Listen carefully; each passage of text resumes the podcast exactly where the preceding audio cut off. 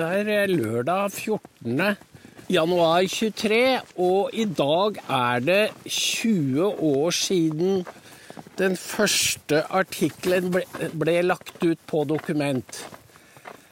Og i den anledning så har jo Christian skrevet en, en artikkel.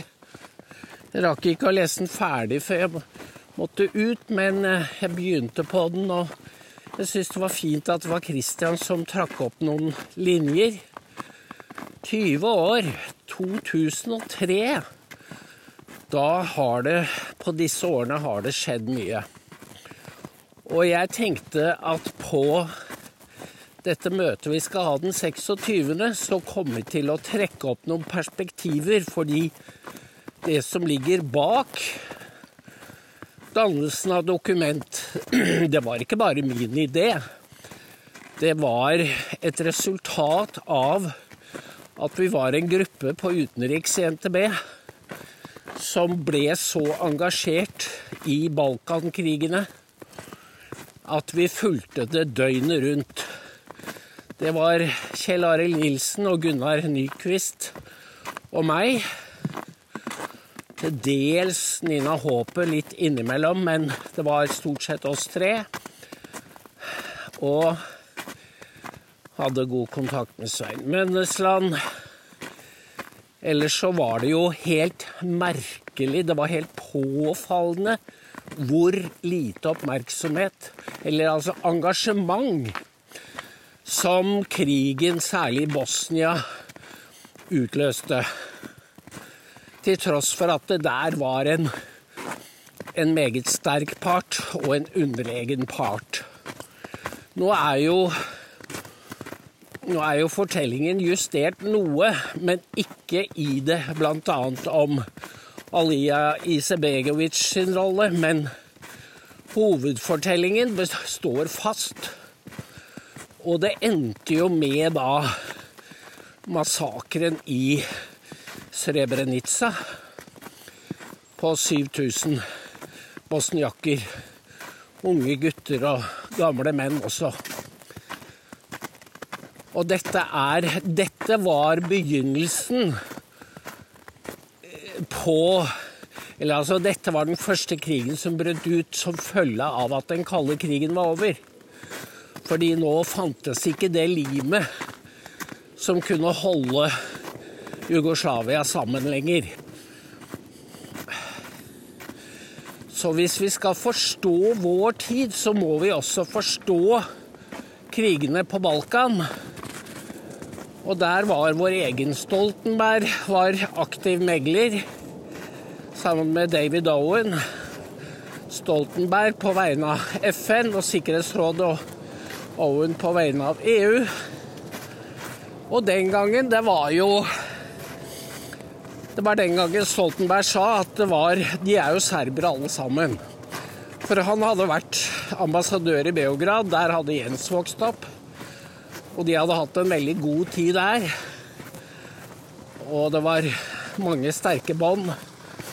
Så Stoltenberg kjøpte jo Var følelsesmessig veldig bundet til serberne.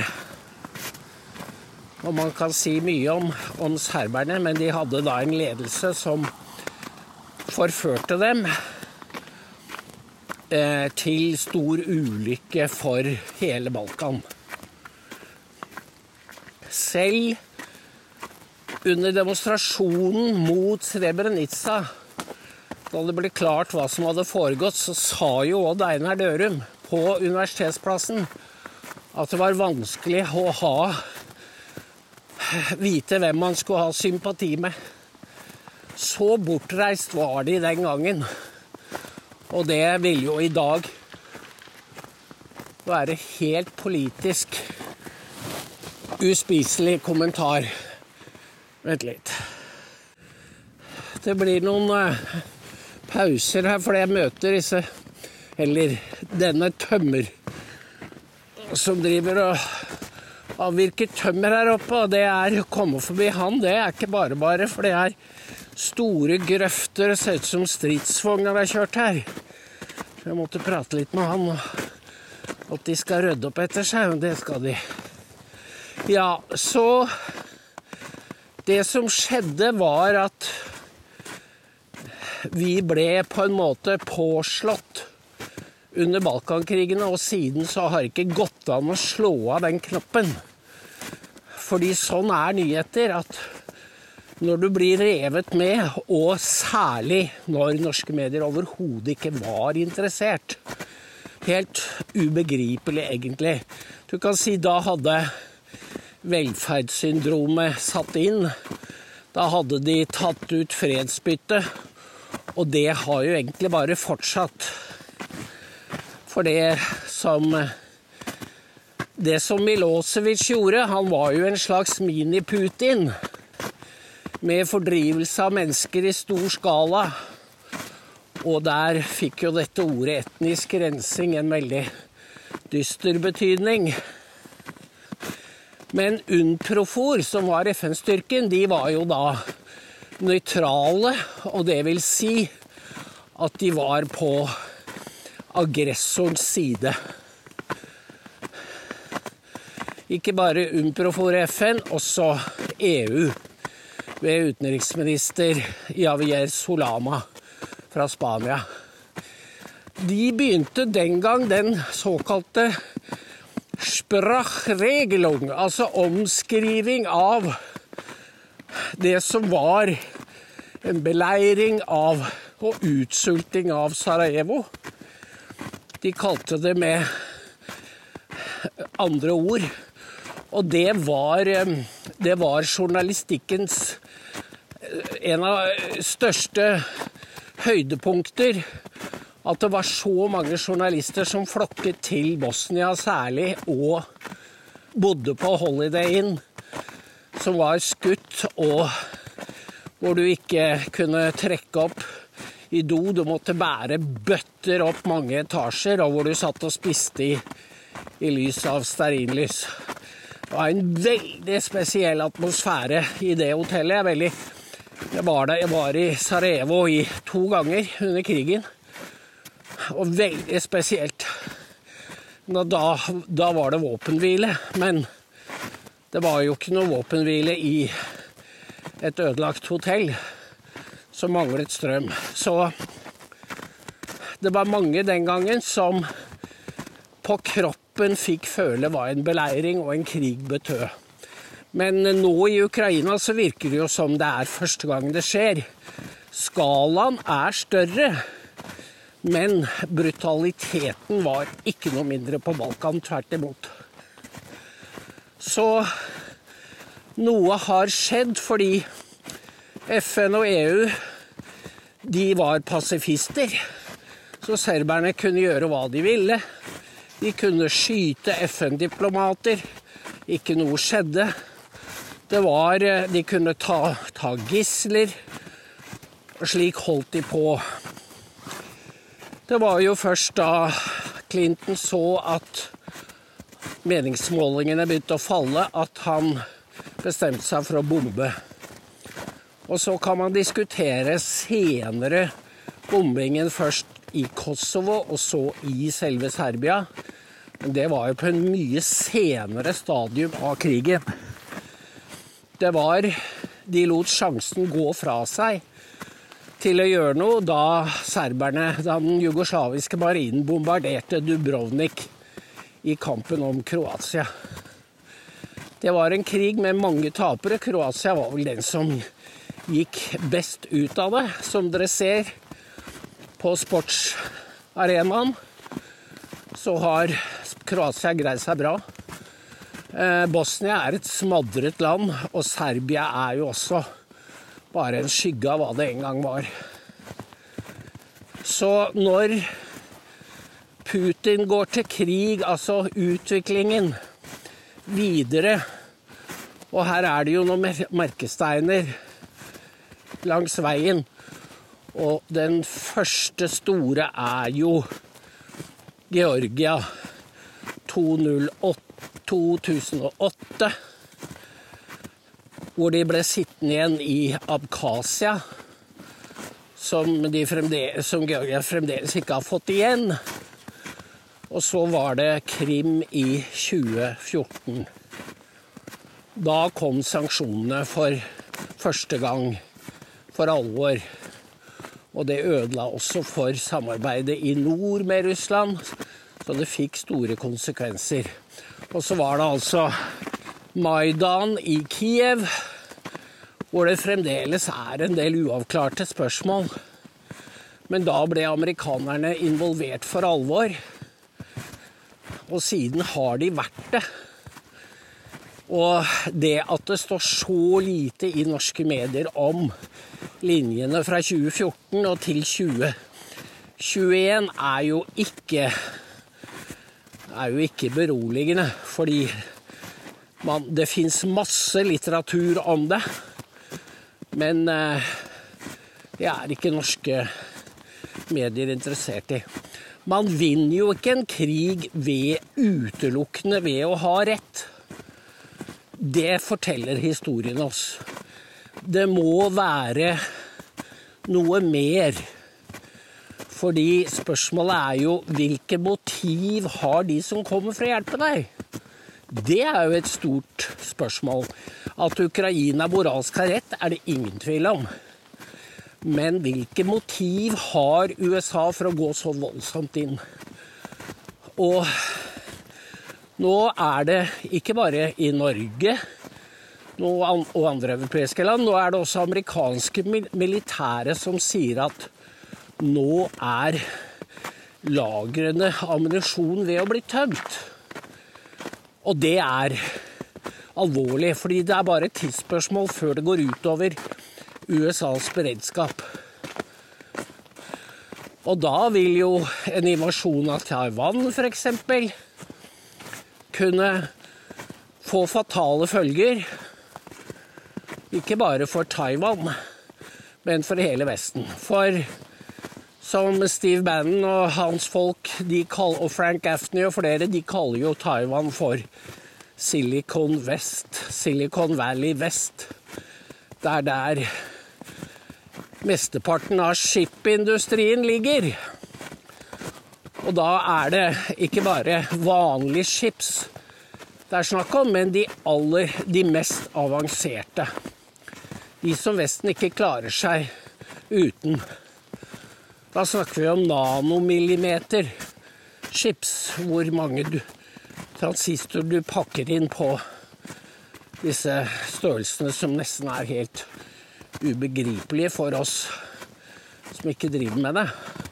Men her ligger altså Taiwan foran. Selv om det nå skal bygges fabrikker i USA, så vil det ta noen år før de er oppe og stå og er på samme nivå. Dette har skjedd uten at vi egentlig har registrert det, for før var det jo Intel som var ledende. Men det er det ikke lenger. De er ikke cutting edge. Det er det taiwanesere som er. Og jeg tror også sørkoreanere. Så alt har en pris. Også friheten har en pris. Men det har ikke våre ledere fortalt oss. De tror at det er Vi lever i et slags historisk vakuum. Og at dette vil pågå til evig tid. Det er det ikke. Hvis våre fiender aner svakhet, så vil de flytte sine posisjoner frem. Og USA er blitt så svakt på av woke de senere år. Når jeg sitter og leser om disse vanvittige protestene mot f.eks. salmen om hellige tre konger, som jeg ser har fått mange lesere det var jo her i Norge, så er det uttrykk for akkurat den samme ideologien som får denne læreren i Canada til å gå med sånne Pupper er jo ikke engang ordet, fordi det er kjempesilikonjur som veier mange, mange kilo. Sånne som damer som har store bryster, får bli jo får ødelagt ryggen. Og han går med disse i undervisningen, og skolen har forsvart han helt til nå. Det er jo helt sykt. Dette er helt Romerike. Og så viste Tucker en liten sekvens, den var fra 2019, hvor det står en ved et kateter og sier at det er bare to kjønn. Og det er bare ett av dem som kan få barn, og da skriker studentene opp. Nei, nei, nei. Det er Jeg har også en Wom, jeg kan også få barn, skriker en mann. Og så er det da denne Dette er neste trinn. For dere fikk kanskje med dere at skolen i Oslo ikke lenger får lov til å bruke internett under eksamen, i hvert fall en del fag. Og jeg stusset litt over det, og det ble oppgitt med kunstig intelligens. Og det er noe som heter chat CPCTG. Det er utviklet av eh, Microsoft. Og det er altså kunstig intelligens som på et meget høyt nivå Det er ikke bare sånn at de gir deg fakta som et leksikon. De skriver oppgavene for den som ber om det. Og ikke bare det, de, de, setter også karakterer. De kan også vurdere kvaliteten på arbeidet de selv har gjort. Og jeg har fått dette demonstrert for oss i sommer av IT-mannen vår, som viste oss Jeg har nevnt det før, at jeg sa kan du skrive en kort fortelling om for og mot sensur på Twitter? Og det var ikke noe å sette fingeren på. Det var rasjonelt, logisk, godt argumentert fra begge sider. Dette er det. Dette er den intelligensen som nå er sluppet løs. Og jeg fikk akkurat inn fra Daily Caller at denne chatten, denne funksjonen, denne appen, den eh, er også transgendervennlig. Altså, den mener også at det er mange kjønn, og at menn kan få barn. Da begynner vi å snakke om et totalitært vanvidd. Det er det som truer oss. Fordi hvis kunstig intelligens blir mobilisert på vegne av en woke-ideologi, så vil jo barna våre bli som rødegardistene i Kina under Mao. Og de sier jo det at kineserne sitter bare og ler og gnir seg i hendene fordi de vet hvor mye slike fanatiske massebevegelser ødelegger i en nasjon. Og der er USA nå. Det er ikke noen bagatell, det er ingen distraksjon. Det er ikke noe kuriosa. Dette er massivt fra toppen og ned i USA. Og hva er sammenhengen da med Balkankrigene? Jo, det er en linje her som går fra ikke-vold og til en sanitær vold. Hvor man har ikke noe mot å drepe hvis det er på vegne av den gode sak som samtidig brukes til å tukte sin egen befolkning. Det er ikke sånn at dette er Det er ikke sånn at europeerne synes det er helt greit med høye priser fordi de skal beseire Putin. Fordi de, har, de vet jo at prisene begynte å stige lenge før Putin invaderte. Og så tutes de hvis de virkelig ville hjelpe Ukraina så hadde de ikke tredd det grønne skiftet nedover hodet på oss. Og det gjør at folk er veldig skeptiske og ambivalente hvis du utelater en 20% av befolkningen som er fanatisk og rettroende har investert i woke-aksjer. Og dette er den situasjonen vi er oppe i. Og Derfor var det Christian som skrev denne lille jubileumsartikkelen. Fordi jeg er så opptatt av det som skjer i USA. Og det ser jeg mange av dere også her. Og vi må ha Vi må være detaljorientert og forstå mekanikken i det som skjer. Årsak, virkning. Og det at noen prøver å stikke av med fornuften, det kan vi ikke tillate. Derfor er jo denne kunstig intelligensen ganske skremmende. Men vi må stålsette oss mot farer, og de største er ikke nødvendigvis en militær fare, men det er en som kommer ja, ovenfra og innenfra. Men hvis du først gjennomskuer da dette maktspillet, så blir det ikke så, er du ikke så lett å manipulere. Og det er jo derfor Dokument da på disse 20 årene kan si at vi ser den nye totalitære trusselen, og vi har ikke tenkt å la oss beseire, vi tar opp kampen. Hvis du liker poddene, så er det setter vi veldig pris på abonnement og noen eh, Vipps-kroner. Og Dan kan legge inn eh, Vipps-nummeret, for jeg husker ikke det i farten. Takk for i dag. Hei.